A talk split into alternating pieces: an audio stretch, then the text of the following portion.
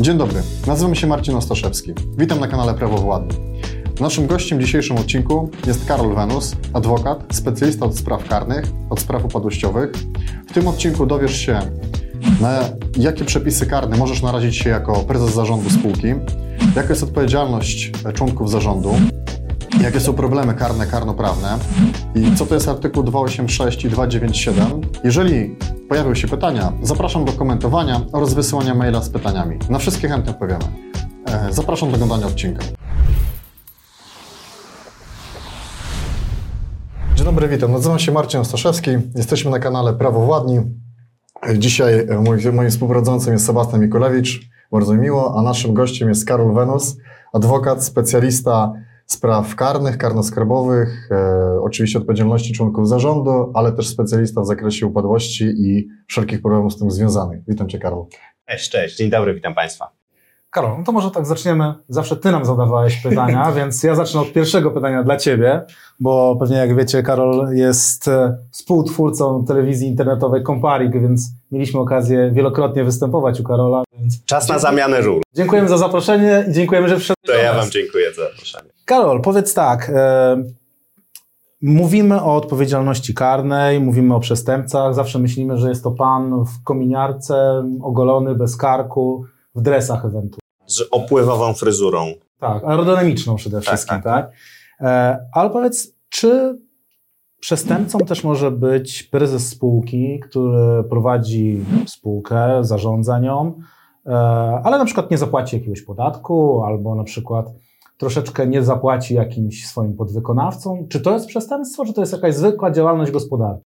No widzicie, to jest tak, że bardzo często właśnie mamy ten stereotypowy wygląd przestępcy u siebie w głowie, tak jak ty określiłeś go właśnie jakiś pan w kominiarce, kojarzymy go z jakimś złodziejem, handlarzem narkotyków. Natomiast odpowiedzialność karna coraz częściej zaczyna do, dotykać właśnie osób z mm, tej wyższej klasy, członków y, zarządu, panów y, z nienagannie wypracowaną białą koszulą pod krawatem, wypastowanymi butami, tych, którzy zarządzają wielkimi pieniędzmi, a tam, gdzie są wielkie pieniądze, tam się czają zarówno pokusy, jak i też czasami ta odpowiedzialność karna, a przynajmniej zarzuty, y, mogą trafić ludzi, którzy w ogóle uważają, że nie robią w swojej działalności nic złego.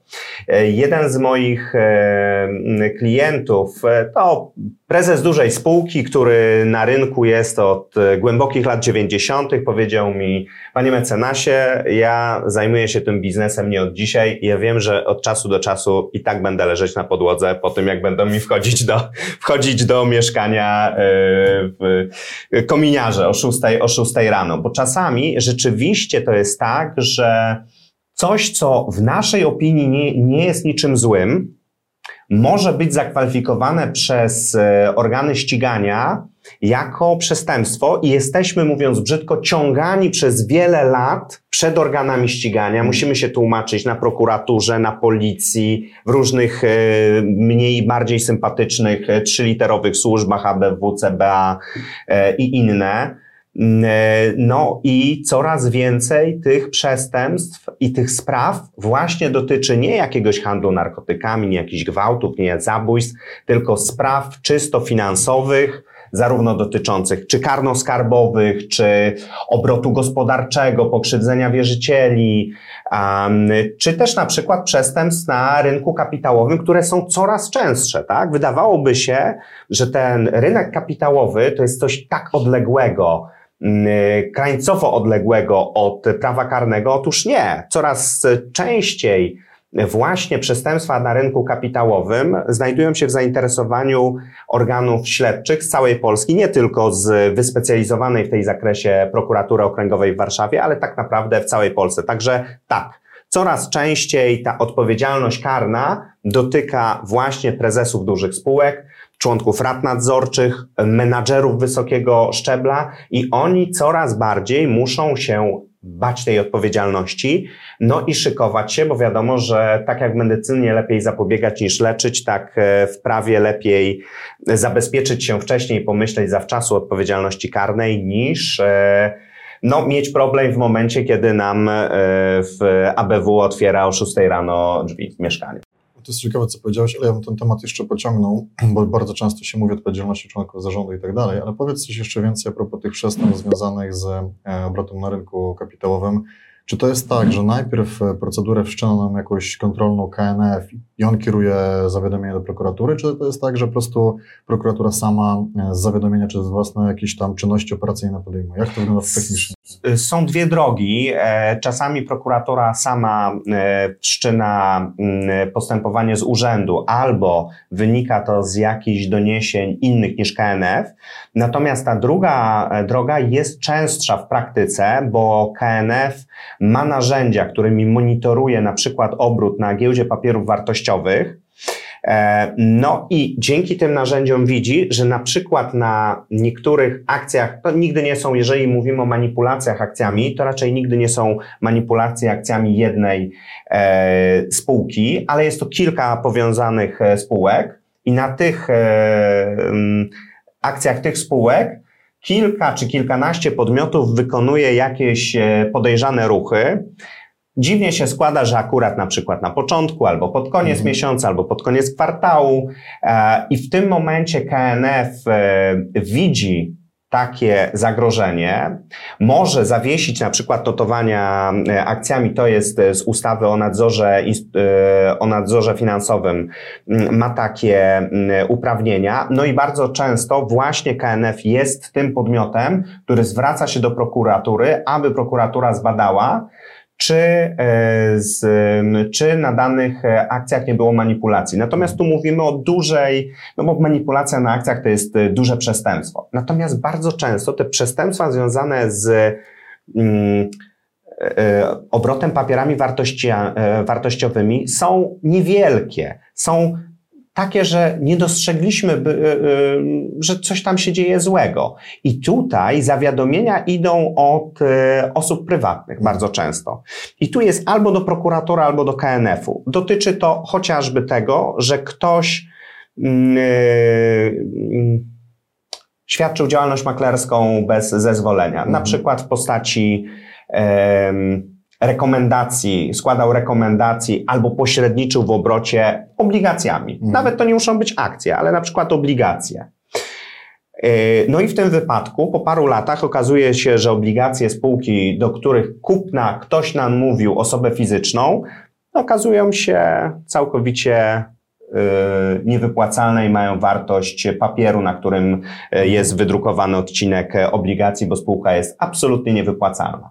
No i w tym momencie ta osoba, która jest pokrzywdzona, zaczyna szukać winnych. Oczywiście w spółce bardzo często już nikogo nie ma. Jeśli jest jakiś słup, no to dotyczy spółek ZO, to je, y, powiedziałem słup, to, to, jest, to, jest, to, jest, to jest freudowska pomyłka, bo jeżeli właśnie chciałem powiedzieć, że jeżeli jest tam prezes zarządu, to właśnie bardzo często jest to słup. Słup to tak. rozwinął tą definicję jest tego słupa jest to słup, tak? Nie, to tak, tak się mówi, to raczej nie jest y, z języka prawnego, ani nawet prawniczego, natomiast y, osoba, która została coś manipulowana i on ma, ona ma tylko dać swoją twarz i swoje dane ma być osobą, która zawodowo ponosi odpowiedzialność karną i cywilną, bez pytania się, po co to robi. Jasne. E... Czyli profesjonalista. Jest profesjonalista, oczywiście. No i taka osoba wtedy, która straciła na tych obligacjach, no zaczyna się rozglądać. No i cień podejrzenia pada właśnie na osobę, która zaproponowała jej kupno danych obligacji. A ta propozycja to wcale nie musi być jakieś bardzo intensywne namawianie. Nie, to może być zwykłe. Yy, Teraz ustawa o obrocie instrumentami finansowymi mówi, że to chodzi o informację, która w sposób bezpośredni lub pośredni wpłynęła na chęć nabycia danych mhm. instrumentów finansowych. Także dzisiejsza definicja jest bardzo szeroka. No i w tym momencie składa zawiadomienie albo bezpośrednio do prokuratury, do KNF-u.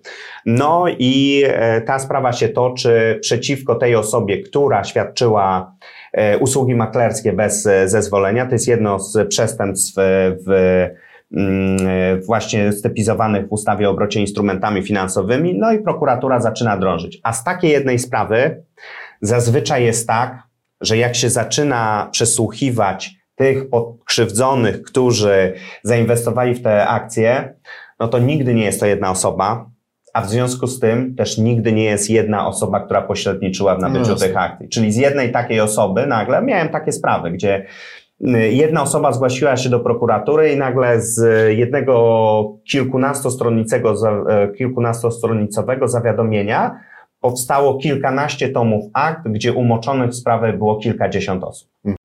Opowiedz mi, bo najczęściej przewija się w mediach ta odpowiedzialność menedżerska członków zarządu z 296 kodeksu karnego i tym się najczęściej straszy jakby zarządy spółek. Jakbyś troszeczkę tam rozwinął tą, tą kwestię. To jest y, jeden z y, przepisów kodeksu karnego, które powoduje, że menedżerowie wyższego szczebla, członkowie zarządu nie śpią po nocach, a przynajmniej czasami powinni, powinni nie spać. No, o co chodzi w tym, e, w tym artykule 296 zawartym w tej czerwonej książeczce e, kodeks karny?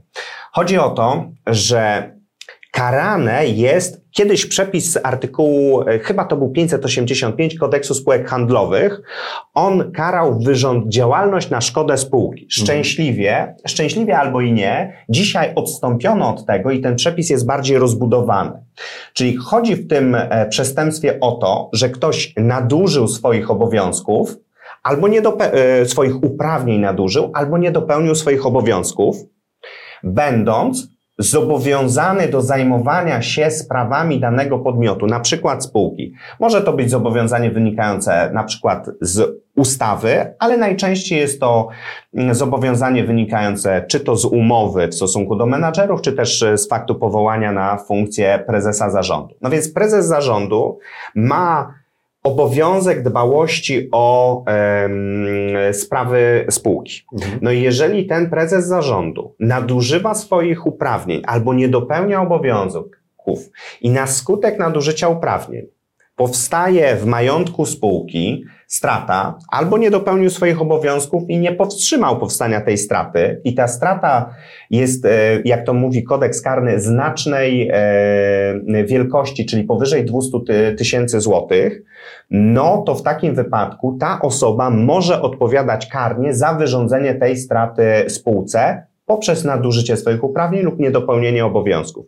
Bardzo istotna rzecz, bo czasami się wydaje, że jeżeli mamy spółkę i na przykład jesteśmy większościowym lub niemalże jedynym e, wspólnikiem tejże Mhm. spółki, no to właściwie możemy robić e, Co chcemy. co chcemy, no bo no zaraz, no jak ja mam 90% udziału w danej spółce albo 95, a 5% ma nie wiem, e, ktoś z rodziny, Mhm. to właściwie to jest moja spółka. No otóż nie. Spółka na przykład ZO, czy spółka akcyjna, w chwili, kiedy jest powoływana, ona staje się odrębnym bytem prawnym, podlegającym ochronie na chociażby na gruncie artykułu 296 kodeksu karnego. Czyli taki członek zarządu, prezes zarządu, który jest większościowym właścicielem e, spółki ZO, nie może traktować tej spółki ZO jako swojego własnego folwarku, w którym może robić wszystko, czego chce. Bo jeżeli wyrządzi szkodę tej spółce, nadużyje e, uprawnień, nie dopełni obowiązków,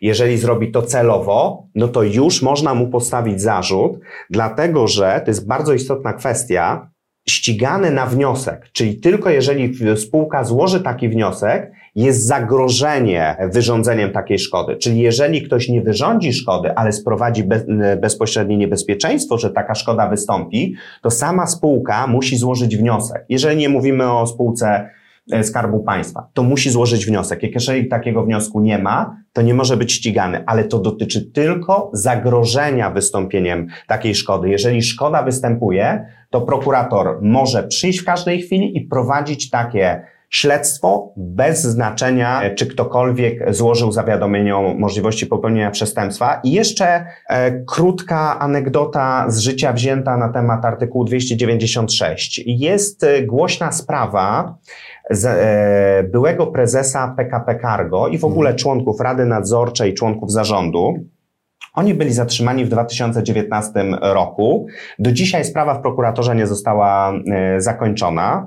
Tam główny podejrzany ma zabezpieczenie majątkowe bodajże 500 tysięcy. Na czym polega zarzut? Prokuratura uznała, że kupno, chyba to był 2014 rok, przez PKP Cargo, przewoźnika e, czeskiego, naraziło PKP mm, Cargo na stratę finansową, tam się pojawiają kwoty od 200 do 250 milionów. Tylko czy ta strata faktycznie wystąpiła jest ocenne, mhm. dlatego że prokuratura dysponuje e, jakimiś opiniami, z których wynika, że ten zakup za kwotę tam to było chyba około 200 milionów z euro, był o połowę zawyżony, czyli zakupiono nie po cenach rynkowych. Były zarząd PKP Cargo mówi, no ale zaraz, my dysponowaliśmy niezależnymi audytami, tam chyba PWC wykonywało ten audyt, w którym było wskazane, że transakcja odbyła się na zasadach rynkowych. E, transakcję wycenił chyba bank PKO, nie pamiętam, albo BP, albo SA. Mieliśmy od doradców takie, a nie inne informacje, że dana transakcja jest rentowna, że cena, po której kupujemy jest rynkowa, no to mieliśmy prawo zainwestować. Co więcej, ta spółka, którą PKP Cargo wtedy kupiło, dzisiaj przynosi zyski. Co robi prokuratora? Prokuratura mówi, nie, nie, nie. My mamy swoje ekspertyzy jest i jest zarzut i od czterech lat ci ludzie e, rozbijają się po prokuratorach, no i żyją gdzieś z jakimś e, odium tego, że mają postawione zarzuty, bo w naszym społeczeństwie bardzo często jest tak, że jak komuś prokuratora stawia zarzut, to automatycznie jest to uznawane, aha, Gdyby nie było nic na rzeczy, no to pewnie by nie, nie postawili. No to, no nie, to tak nie wygląda. nie dostaje zarzutu. Oczywiście, że tak. I niewinni nie mają się czego bać. No, e, niestety, jako adwokat zajmujący się sprawami karnymi, bardzo chciałbym powiedzieć, że niewinni w Polsce nie mają się czego bać. Niestety niewinni w Polsce mają się również czego, czego bać. I to jest ten przykład artykułu 296, to co mówiłem na początku. Ktoś, kto bardzo często w swojej opinii i obiektywnie nie robi nic złego, musi się później tłumaczyć przed organami ścigania. No dobrze, Karol, ale rozmawialiśmy teraz o tym, że ktoś wyrządził szkodę spółce. A co jeżeli na przykład wyrządza szkodę wierzycielom czy innym jakimś podmiotom, które właśnie współpracują ze spółką? Czy on ma się czego bać? Może się jakoś zabezpieczyć? To jest kolejny, kolejny taki aspekt, grupa przepisów e, kodeksu karnego, które nam kryminalizują, czyli poddają pod karę wyrządzenie szkody e, wierzycielom. E, I tu jest parę takich przepisów od e, najważniejszego, czy artykułu 300 kodeksu karnego, który mówi o tym, że kto będąc w stanie grożącej niewypłacalności lub upadłości, do czego zaraz wrócę, pozornie zbywa, obciąża, przenosi swój majątek, no ukrywa go przed wierzycielami, no to on podlega karze pozbawienia wolności, które w przypadku, jeżeli mówimy o wielu wierzycielach, czyli w doktrynie przyjmuje się no powyżej 10, to może być kara nawet do 8 lat pozbawienia wolności. O co chodzi? No, na przykład jest e, prezes i tu Wam przytoczę mm, też e, historia z, historię z życia wziętą, trochę nawiązującą do waszej, waszej dziedziny, waszej specjalizacji, czyli restrukturyzacji. Wyobraźcie sobie, że jest spółka, która przynosi straty. Niewątpliwie jest niewypłacalna. Mhm. No ale ta spółka dysponuje e, dużymi aktywami potencjalnymi, no, kontaktami z e, kontrahentami, jest bardzo istotna w działalności e, państwa polskiego. Gdyby ktoś tą spółkę posprzątał, no to ona mogłaby przynosić zyski i zaspokoić wierzycieli w bardzo wysokim stopniu. Natomiast na dzień przyjścia tej osoby do, mm, do spółki, no, jest goła i wesoła, tak, e, spółka. No i e, przychodzi menadżer, specjalista do spraw restrukturyzacji, wchodzi w spółkę i dostaje zadanie przeprowadzić restrukturyzację tej spółki, która po tej restrukturyzacji kilkuletniej może przynosić bardzo duże zyski, może zaspokoić wierzycieli. On bada, ma test prywatnego wierzyciela, widzi, że wierzyciele w upadłości zostaną tam powiedzmy w kilkunastu procentach zaspokojeni, a w restrukturyzacji w 40%. No tylko jest jeden problem. On musi w jakiś sposób mówiąc kolokwialnie, dociągnąć do chwili otwarcia y, postępowania E, restrukturyzacyjnego, na przykład sanacyjnego, no bo sprawa się dzieli e, kilka lat, e, kilka lat wstecz, nie ma tych nowych przepisów o restrukturyzacji. No ale on ma tylko kilka czy kilkanaście milionów na kontakt tej, z tej spółki. No i wie, że zanim otworzy się postępowanie sanacyjne, no to minie co najmniej kilka miesięcy. Przez te kilka miesięcy zlecą się wierzyciele i e, długów jest na wiele, wiele więcej milionów. No i on zostanie pozbawiony tej e, kwoty, spółka tej kwoty. W związku z tym na chwilę ogłaszania e, rozpatrywania wniosku o otwarcie postępowania sanacyjnego, no ta spółka nie będzie mogła prowadzić żadnej działalności. Mhm. No w związku z tym nikt nie otworzy postępowania sanacyjnego, ta spółka pójdzie w upadłość, tak? Nie będzie miała e, chociażby pieniędzy na to, żeby przez te kilka miesięcy utrzymać koncesję, która miała. No więc co robi? Robi coś, co z punktu widzenia restrukturyzacyjnego i dbałości o wierzycieli, jemu wydaje się jak, na, jak najbardziej e, prawidłowe. Całe aktywa z tej spółki przesuwa na konta innej zupełnie spółki do której wierzyciele nie mają dostępu, bo nie są jej dłużnikami. Ten manewr pozwala na to, że z konta tej innej spółki opłacana jest bieżąca działalność tej spółki, która ma być restrukturyzowana. Ta spółka yy, dociąga do otwarcia postępowania sanacyjnego. Przez kilka lat wypracowuje zyski. Wierzyciele Właśnie zamiast tych około 10% plan y, restrukturyzacyjny zakłada, że będą w ponad 40% y, zaspokojeni. Spółka odprowadza y, przez ten czas działalności bardzo duże podatki, czyli daniny publiczne również są na plus. Natomiast po tych paru latach przychodzi prokurator i mówi: chwileczkę, ale na tamten moment te kilka czy kilkanaście milionów, które zostało przesunięte do innej spółki, to mnie nie obchodzi, że ono było przesunięte w tym celu, żeby uratować tą spółkę, tylko na tamtą chwilę uniemożliwiło, uszczupliło zaspokojenie wierzycieli, których miała spółka, nie wiem, kilkudziesięciu albo nawet kilkuset.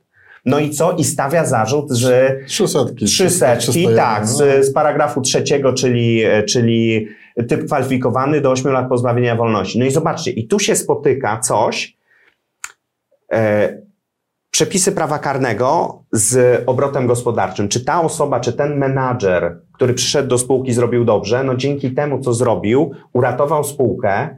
Wierzyciele są zaspokojeni, prawdę poczekali trochę więcej, ale są zaspokojeni w dużo wyższym e, stopniu niż byliby zaspokojeni z, w ramach postępowania upadłościowego, nie mówiąc już ty, e, nawet o tych kilku milionach, które były aktywów na koncie tej spółki, bo to w ogóle jeden by się zdołał albo dwóch by się zdołało zaspokoić. Natomiast pod kątem prawa karnego, no jest dyskusja i jest bardzo mocna e, walka o to, żeby wyciągnąć go e, z tej kabały, w którą się mm, e, władował, no bo ma zarzut bardzo poważny, zagrożony karą do 8 lat pozbawienia wolności. Choć tutaj akurat dałem taki przykład bardzo chwalebny tego, co ta osoba zrobiła, co było dobre z punktu widzenia społecznego, natomiast oczywiście no, nie, nie zawsze tak jest. Czasami ludzie działają nie po to, żeby uratować spółkę, tylko po to, żeby pokrzywdzić wierzycieli. Mamy na przykład takie sytuacje, w których wierzyciele, w którym e, dłużnicy przenoszą cały majątek spółki na nowo powstały podmiot. To też jest artykuł 301 kodeksu karnego, czyli e, jakiś pomysłowy Dobromir sobie wymyśla, że aha, skoro spółka X ma, nie wiem, 20 milionów długów, to ja sobie stworzę spółkę Y od zera i przeniosę cały majątek spółki X na spółkę Y i ta spółka Y będzie miała majątek spółki X, ale nie będzie miała jej długów, no bo długi zostały spółce X. No nie, to też jest niedozwolone i to też jest przestępstwo, które jest typizowane w, w kodeksie karnym. E, kolejna rzecz, na którą przy wierzycielach należy zwrócić uwagę, no należy zwrócić uwagę na to, że jeżeli grozi nam niewypłacalność lub upadłość, no to jeśli nie możemy zaspokoić wszystkich wierzycieli, to nie możemy sobie wy, wy, selektywnie zaspokajać wierzycieli. Tak? Czyli jeżeli zaspokajamy wybranych wierzycieli tylko i wyłącznie, no to w tym momencie też popełniamy przestępstwo, no bo to powinno być zaspokajanie w trybie przepisów ustaw, tak, czy, czy wszystkim porówno, wszystkim porówno czy ustawy prawo upadłościowe, czy, czy, czy, czy, czy prawo restrukturyzacyjne, czy innych ustaw, od których to wy jesteście w, w większymi no specjalistami, więc Skoro mówimy tu o wierzycielach, to przejdźmy jeszcze na kanwę prawa upadłościowego tak. restrukturyzacyjnego, tak. no bo nie ukrywamy, że to jest nasza jakby specjalizacja. Powiedz, na co osoby zarządzające e, spółką powinny zwrócić uwagę właśnie przy przepisach prawa upadłościowego restrukturyzacyjnego pod kątem karnym, karnoprawnym? Pierwsza rzecz, która oczywiście przychodzi na myśl, to jest kwestia zgłoszenia wniosku o ogłoszenie upadłości w odpowiednim terminie. Jeżeli e, wniosku o ogłoszenie upadłości nie zgłaszamy w konkretnym terminie, to tutaj odpowiadamy dla odmiany nie z przepisów kodeksu, e, kodeksu karnego, ale kodeksu spółek handlowych, mhm. którego artykuł 586 stanowi, że kto będąc członkiem zarządu spółki likwidatorem nie zgłasza wniosku o upadłość spółki handlowej po minimum powstania warunków uzasadniających według przepisów upadłość spółki. No więc jeżeli istnieją e, warunki, wedle których, wedle przepisów chyba tak 11, artykuł 11 prawa upadłościowego, spółka jest niewypłacalna, chyba jedenastka upadłościowego jest niewypłacalna, jest niewypłacalna, no to ten, e, ten członek zarządu powinien zgłosić w terminie wskazanym w przepisach e, prawa upadłościowe wniosek o ogłoszenie upadłości. Dla bezpieczeństwa oczywiście równocześnie być zgłaszając wniosek tam o otwarcie postępowania restrukturyzacyjnego, no bo zgłoszenie takich dwóch wniosków nam powoduje, że że one, mm, że wniosek o restrukturyzację chyba jest rozpatrywany wtedy wcześniej, natomiast e, no nie, nie narażamy się na to, że, mm, że e, ktoś nam postawi zarzut e, niezgłoszenia takiego wniosku, ogłoszenie upadłości. Tak, 20, 21. Tak, 21 Obowiązek mówi... zgłoszenia wniosku. Ach, obo, tak, 21. 17, 21. Tak, a 11 to jest kiedy jest niewypłacalne, a 21 nam stanowi o terminie. Także mówimy, Uczulamy tak. na artykuł 21 prawo podejściowego. E, jeżeli jesteśmy niewypłacalni, trzeba zgłosić. Tak, dokładnie, bo wtedy, wtedy e, odpowiada za to członek zarządu i to każdy, który ma możliwość zgłoszenia wniosku o ogłoszenie upadłości. Co ciekawe, niezależnie od tego, czy on na przykład był przez innych członków zarządu wyłączony od możliwości prowadzenia spraw spółki, tutaj członkowie zarządu bardzo muszą na to uważać. Co ciekawe, również lekkomyślne doprowadzenie się do stanu e, niewypłacalności, i to jest lekkomyślne, również może być e, e, podstawą naszej odpowiedzialności karnej. Jeżeli lekkomyślnie zawieramy umowę, trwonimy majątek spółki, to mhm. mimo, że nie robimy tego celowo, tak, czyli mm, zamiar bezpośredni czy ewentualny, tylko robimy to lekkomyślnie, czyli powinniśmy się spodziewać, że takie zawieranie takich umów, trwonienie tak majątku doprowadzi do upadłości, no to taka lekkomyślność również jest e, kryminalizowana i penalizowana przez e, kodeks karny. Kolejna rzecz, na którą należy zwrócić uwagę. Pod kątem upadłościowym, jeżeli już jesteśmy bezpieczni pod tym kątem, że do tej upadłości nie doprowadziliśmy w sposób lekkomyślny i a zgłosiliśmy w odpowiednim momencie wniosek o ogłoszenie upadłości, no to dobrze by było jeszcze pamiętać o tym, żeby w tym wniosku ogłoszenie upadłości, mówiąc kolokwialnie, nie nakłamać za bardzo, bo e, nakłamanie we wniosku e, ogłoszenie upadłości, zawarcie tam nieprawdziwych informacji również jest podstawą odpowiedzialności karnej, tym razem z ustawy prawo, e, prawo upadłościowe. Więc jeśli chodzi pod kątem upadłościowym, na co prezesi, członkowie zarządu spółek muszą zwrócić uwagę, no to po pierwsze na prowadzenie spraw tej spółki aby lekkomyślnie trwoniąc majątek nie doprowadzili do upadłości spółki, no bo to może być podstawą ich odpowiedzialności karnej. To jest raz. Na kolejnym etapie, jeżeli już ta upadłość, znaczy nie upadłość, ale niewypłacalność się zdarzy, no to muszą pilnować, aby w terminie e, określonym przez artykuł 21 prawa upadłościowego zgłosić wniosek o ogłoszenie upadłości. Trzy. Jeżeli zgłaszają już ten wniosek o ogłoszenie upadłości, no to koniecznie zawierają prawdę, samą prawdę i tylko prawdę w tym wniosku o ogłoszenie upadłości, bo e, zawarcie takiej nie, e, nieprawdziwych informacji świadomie jest też podstawą odpowiedzialności karnej. No i cztery, jeżeli już upadłość zostanie ogłoszona, no to na wezwanie syndyka czy sędziego komisarza no muszą wydać wszystkie księgi dokumentacji. Tutaj brak e, współpracy z syndykiem czy sędzią komisarzem i ukrywanie na przykład ksiąg e, majątkowych mhm. też może być dla członka zarządu upadłej już e, spółki podstawą odpowiedzialności karnej. I to są takie cztery etapy, na które należy zwrócić uwagę, będąc e, członkiem zarządu spółki na pod kątem właśnie odpowiedzialności karnoprawnej w kontekście upadłościowym e, i restrukturyzacyjnym. To ja Ci zadam takie pytanie hipotetyczne. Jest spółka ZO, trzech wspólników. Jeden ze wspólników stara się, próbuje tą spółkę rozwijać, zajmuje się powiedzmy działem produkcyjnym. Jest tam też dział handlowy i dział ogólnie, można powiedzieć, bycia przedsiębiorstwa, tak? Jeden z tych wspólników, ten dział jakby produkcyjny, opiekuje się nim, on działa prawidłowo. Natomiast dwóch wspólników, którzy zajmują się sprzedażą, marketingiem w tej firmie, praktycznie nic nie robi, a na wszelkie pro, prośby, próby, żeby ten marketing wyciągnąć, no działa oportunistycznie, tak? Mhm. Doprowadza do tego, że sprzedaż w tym przedsiębiorstwie maleje.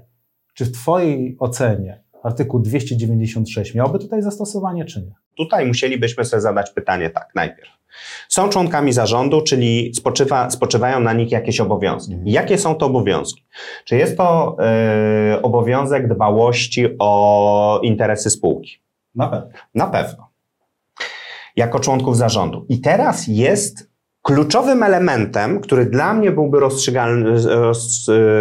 rozstrzygający o odpowiedzialności karnej, oczywiście przy założeniu, że ich działania lub zaniechania doprowadziły do powstania szkody w znacznej wielkości, czyli co najmniej 200 tysięcy, to dla mnie elementem byłoby porównanie ich obowiązków, jakie na nich spoczywały, z ich działaniami. Jeżeli naruszenie tych obowiązków byłoby tak duże, tak znaczące, że można by powiedzieć, że oni swoimi zaniechaniami na przykład, e, albo swoimi działaniami blokującymi działania innego, innego wspólnika, doprowadzili do wyrządzenia spółce jakiejś szkody, w takim wypadku, jeżeli natężenie tych działań negatywnych dla spółki podejmowanych z pełną świadomością jest na tyle duże, że doprowadza do wyrządzenia szkody spółce o odpowiedniej wartości,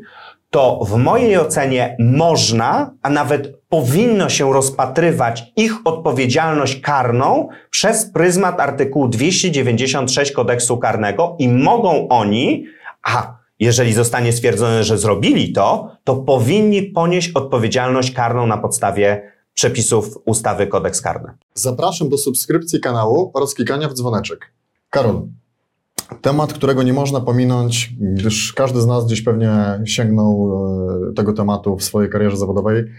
E, największa zmora przed JPK, a teraz już jakby jak mamy JPK, to były kwestie VAT-owskie i karuzeli VAT-owskiej. Już domyślam się, o czym mówisz, tak. Powiedz proszę, jak wygląda teraz sytuacja z przestępstwami związanymi z VAT-em i z tymi tak zwanymi karuzlami VAT-owskimi? Czy to dalej ten proceder ma miejsce, czy jakby po wprowadzaniu tego JPK-u E, zakończyła się ta e, VAT-owska zmora. Wiesz co, to czy się zakończyła, czy się nie zakończyła, tego do końca nie wiemy, bo to mają odpowiednie służby informacje, natomiast zdecydowanie mniej wydaje się z praktyki, wydaje mi się, że zdecydowanie ten proceder ma ograniczony charakter w stosunku do tego, co działo się no, chociażby w latach 2009-2014 e, to był taki Eldorado, jeśli chodzi o karuzele VAT-owskie i to, żeby nie było nie tylko w Polsce, ale w całej, w całej Unii Europejskiej. Wszystkie państwa wspólnoty miały z tym duży problem i teraz to, mm, co widzę w praktyce, to są sprawy karne dotyczące tych właśnie tak zwanych karuzel VAT-owskich, które działy się w tamtym okresie.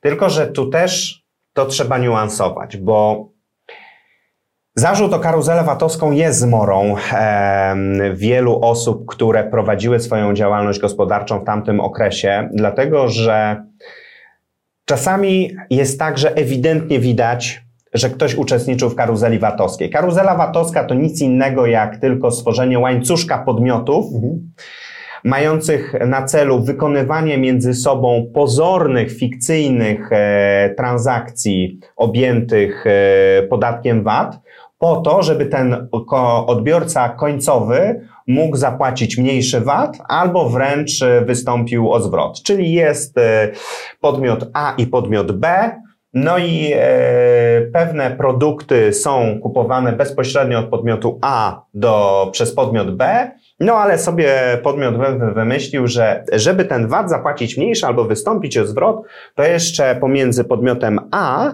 a podmiotem B to będzie podmiot X, Y, Z i bardzo często jeszcze jest kilka e, liter tego alfabetu, to tak w dużym uproszczeniu. I ten podmiot A sprzedaje do podmiotu X, X do Y, Z i tak dalej i dopiero ktoś na końcu sprzedaje do podmiotu B, który idzie po odliczenie, odliczenie VAT-u naliczonego w poprzednich fazach, e, fazach obrotu. Mm.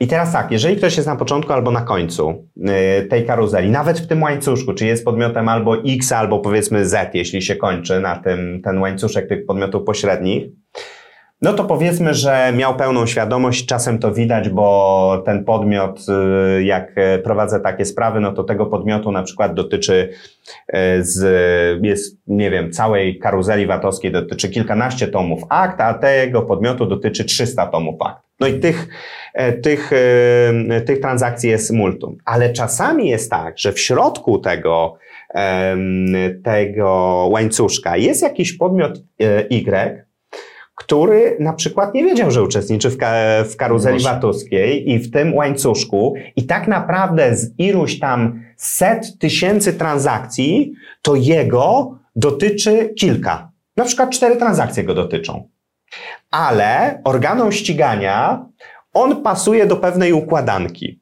Ale nie ma żadnych innych dowodów, na przykład, nie wiem, osobowych, gdzie ktoś mówi, że tak, tam yy, na przykład yy, Zdzisiek spółka ZO, to ja ich znam, bo to jest spółka Zdziśka, ja Zdziśka to wziąłem, w, yy, zaangażowałem w tą karuzelę VAT-owską, bo miał jakąś tam działkę. Nie, nie ma takich dowodów. Ale jest łańcuszek, który po pokazuje, że ten Zdzisiek spółka ZO to kupił, e, e, kupił e, jakieś tam cztery towary albo sprzedał cztery towary e, do spółki, na przykład jakiś tam Franek, czy nie wiem, Kogucik spółka ZO, która to spółka nie ma żadnych wątpliwości, że uczestniczyła, uczestniczyła w karuzeli VAT-owskiej. Ja patrząc na te akta, rzeczywiście nie mam wątpliwości, że Kogucik, do którego na przykład mój klient sprzedał te cztery e, towary, wykonał cztery tam, cztery towary, no cztery transakcje, e, z którym zawarł, uczestniczyła w, w karuzeli VAT-owskiej. Tylko, że na fakt, że ten pośrednik pośredni podmiot, ten Zdzisiek, uczestniczył w karuzeli VAT-owskiej, tak naprawdę nie ma żadnych dowodów poza pewnym schematem, w którym jako malutki element jest wplątany na przykład ten biedny Zdzisiek, I pasuje, pasuje to organom ścigania do pewnej układanki. No i on się wtedy musi tłumaczyć, jakby to nie zabrzmiało. No tak, musi się tłumaczyć, że nie jest wielbłądem. Dokładnie. I te e, transakcje, które on wykonywał, odzwierciedlają faktycznie rzeczywisty przepływ towarów, czyli to nie była wystawiona pusta faktura, mhm. tylko tą fakturę on wystawił, bo rzeczywiście albo kupił od kogoś, albo sprzedał, e, sprzedał e, dany towar. E, no a wiecie, jak to jest e, z pośrednictwem e, i jak to są importerzy. Często te sprzedaże między pośrednikami odbywają się na przykład w ramach jednego składu magazynowego. No i wtedy jest trudno i wtedy prokurator przychodzi, ale zaraz, jak to pan sprzedał? No ale pan sprzedał, a zaraz, no to przecież to nie zmieniło miejsca, miejsca w tego, w tym samym magazynie. Ale chyba jednym idealnym przykładem karuzeli VAT-owskiej mógłby być tutaj dropshipping. No tak. Mhm. zamawia, tak. wystawia fakturę, tak. sprzedaje. Tak no tak. nigdy nie no tak. No, no tak. Ta, I tak to się, i tak to bardzo często się y, odbywało, że on swój zysk, jego zysk się pojawia dopiero w momentu, kiedy jest dostarczany właśnie towar, ale towar nie jest dostarczany do niego, tylko jest dostarczany do magazynu, gdzie to już idzie w dalszą fazę obrotu. Okay. Jest czystym, jest czystym pośrednikiem. No i teraz, jeżeli ma pecha, podmiot, z którym zawarł tą transakcję, uczestniczył w karuzelach VAT-owskich, ale poza karuzelami VAT-owskimi, które zabierały, nie wiem, 80% jego działalności, to 20% to była ta jako podmiotu realna działalność. I on miał pecha, akurat uczestniczyć w tych 20% uczciwej działalności tej, e, tej spółki. I on wykonywał z nią transakcje, no to on w tym momencie musi się gęsto tłumaczyć przed organami ścigania, że on nie uczestniczył w tej karuzeli VAT-owskiej, bo bardzo często, tak jak mówię, zarzuty są stawiane na zasadzie takiej, że ktoś pasuje do układanki. Jasne. A układanka E, takich, e, takich podmiotów takich e, łańcuszków nie składa się z kilku podmiotów, które e, prokuratura i organy ścigania mogą bardzo dokładnie przebadać. Nie, składa się z kilkudziesięciu, a czasami kilkuset podmiotów. No i jakiś tam nasz, jak go nazwaliśmy, dzisiaj spółka ZO, akurat się zaplątał, no i miał pecha, tak? Mhm. To jest ogromna zmora tych e, czasami uczciwych, e, uczciwych przedsiębiorców, którzy gdzieś zostali zaplątali w karuzelę VAT-owską. Pomijam tych, którzy rzeczywiście uczestniczyli w tych karuzelach VAT-owskich i wyłudzali VAT na wielkie kwoty, bo to też się działo. Ja nie chcę absolutnie tu mówić, że każdy, kto ma postawione zarzuty wynikające z karuzeli VAT-owskiej, to jest zawsze taki, jest taka książeczka tych zarzutów, bo to nigdy nie jest, to są pomieszane zarzuty z kodeksu karnego skarbowego i z kodeksu yy, karnego, dotyczą tam 270, 271 kodeksu karnego, jak ktoś ma pecha, to w wyższych, w wyższych, e, w wyższych kwotach, bo tam i sankcja karna, czyli grożąca kara pozbawienia wolności jest dużo wyższa. Takich też jest bardzo dużo, więc jak każdy, jak ktoś ma e, postawiony taki zarzut, to bardzo często uczestniczył świadomie w tej karuzeli VAT-owskiej, ale niestety też jest pewien odsetek ludzi, którzy zostali całkowicie nieświadomie i wbrew swojej woli w takie karuzele VAT-owskie wciągnięci i oni teraz muszą się gęsto tłumaczyć. Na jakie inne kwestie związane z odpowiedzialnością karną powinni uważać członkowie zarządu? Wiesz co, tych przepisów jest całe mnóstwo i e, potencjalnych czynów zabronionych i przestępstw, jakie mo może popełnić członek zarządu, naprawdę jest bardzo dużo. Mm, Chociażby taka prozaiczna kwestia. Jako członkowie zarządu wypełniamy czasami wnioski o dofinansowanie, wnioski o kredyt obrotowy. Składając taki wniosek, musimy dbać o to, żeby zawrzeć tam, tak jak przy wniosku o ogłoszenie upadłości, prawdę, samą prawdę i tylko prawdę.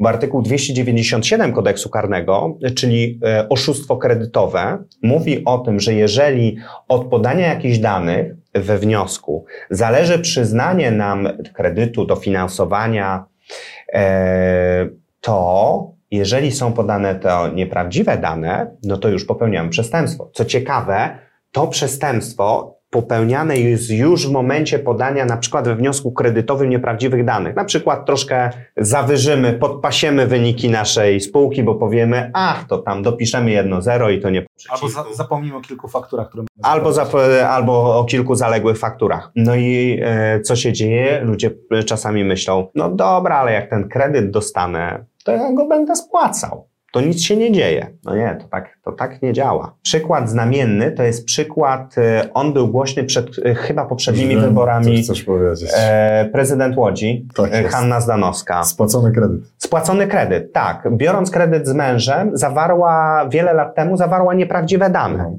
Ten kredyt został całkowicie spłacony, tam nie było żadnych zaległości, ale podając te nieprawdziwe dane, popełniła przestępstwo i Mhm. została skazana. Tam nie pamiętam, czy co się skończyło grzywną, czy warunkowym umorzeniem, Nie pamiętam. E, no ale czyn został popełniony. Niezależnie od tego, że tak jak mówię, kredyt został w całości spłacony i nie było z tym e, żadnego problemu. I przekładając to na naszą sytuację, jeżeli jesteśmy prezesem zarządu jakiejś spółki, no i podamy jakieś informacje w, we wniosku ogłoszeniu, e, nie we wniosku ogłoszeniu, we wniosku kredytowym, we wniosku kredytowym, które są niezgodne z prawdą, to my już popełniamy to przestępstwo. Niezależnie od tego, czy kredyt zostanie przyznany, jak on będzie przez nas obsługiwany, czy zostaną jakieś zaległości, czy będziemy w ogóle świetnie żyć z bankiem i bank powie, jakbyśmy wiedzieli, że tak super będziecie spłacać, to byśmy dawali na kilka, dali kredyt na kilka milionów więcej. Więc to jest taka rzecz, na którą trzeba zwrócić uwagę. Bardzo ciekawy przykład, o którym chciał, chciałem powiedzieć, to jest nawet zaznaczyłem sobie w kodeksie e, spółek handlowych, bo spotkałem się z tym e, ostatnio. Jest przestępstwo, do, e, jest przestępstwo dopuszczenia do nabycia przez spółkę handlową własnych udziałów lub e, akcji. O co chodzi? Spółka ZO na przykład, czy spółka akcyjna nie może nabyć własnych, własnych akcji lub nie może do te, dopuścić do tego, żeby e, objąć akcje spółki zależne. No i teraz e, to jest przestępstwem. Jeżeli ktoś jest członkiem zarządu i dopuszcza do nabycia takich akcji, to popełnia przestępstwo. Tylko, że tutaj nasz ustawodawca, dla niektórych na szczęście, był trochę niedokładny, bo przepis brzmi tak. Kto będąc członkiem zarządu albo likwidatorem dopuszcza do nabycia przez spółkę handlową własnych udziałów lub akcji albo do brania ich zasad podlega karze grzywny, ograniczenia wolności, pozbawienia wolności do 6 miesięcy. No dobrze, a gdzie jest spółka zależna?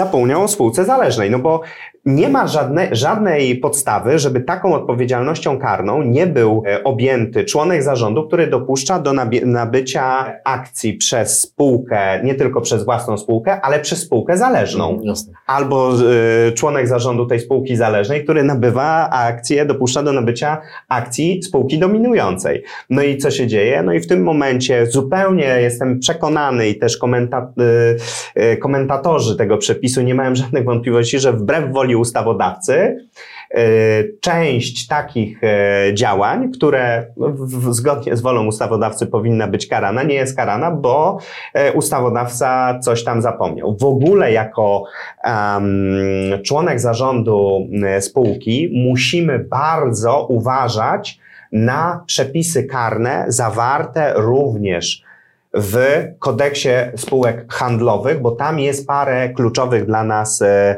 przepisów, e, przepisów karnych, niezależnie od e, przepisów zawartych w kodeksie karnym, chociażby jak no mówiłem o 297, czy oszustwo kredytowe. No w ogóle, jeżeli zawieramy jakąś umowę z kontrahentem, i później jej nie wykonujemy, to narażamy się na badanie przez organy ścigania tego, czy my od samego początku nie mieliśmy zamiaru nie wykonać tej umowy i w ten sposób doprowadzić, poprzez wprowadzenie w błąd naszego e, kontrahenta, doprowadzić do niekorzystnego rozporządzenia mieniem przez niego, no bo on wykonując umowę dla nas poniósł jakieś koszty, a my od samego początku nie chcieliśmy mu zapłacić. Często tak nie bywa, no ale organy ścigania to badają, dlatego już na etapie zawierania umowy przewidując, że mogą się pojawić jakieś kłopoty, na przykład w płynności naszej spółki, warto zadbać o taką dokumentację, stworzyć sobie takie white papers, które nas e, zabezpieczają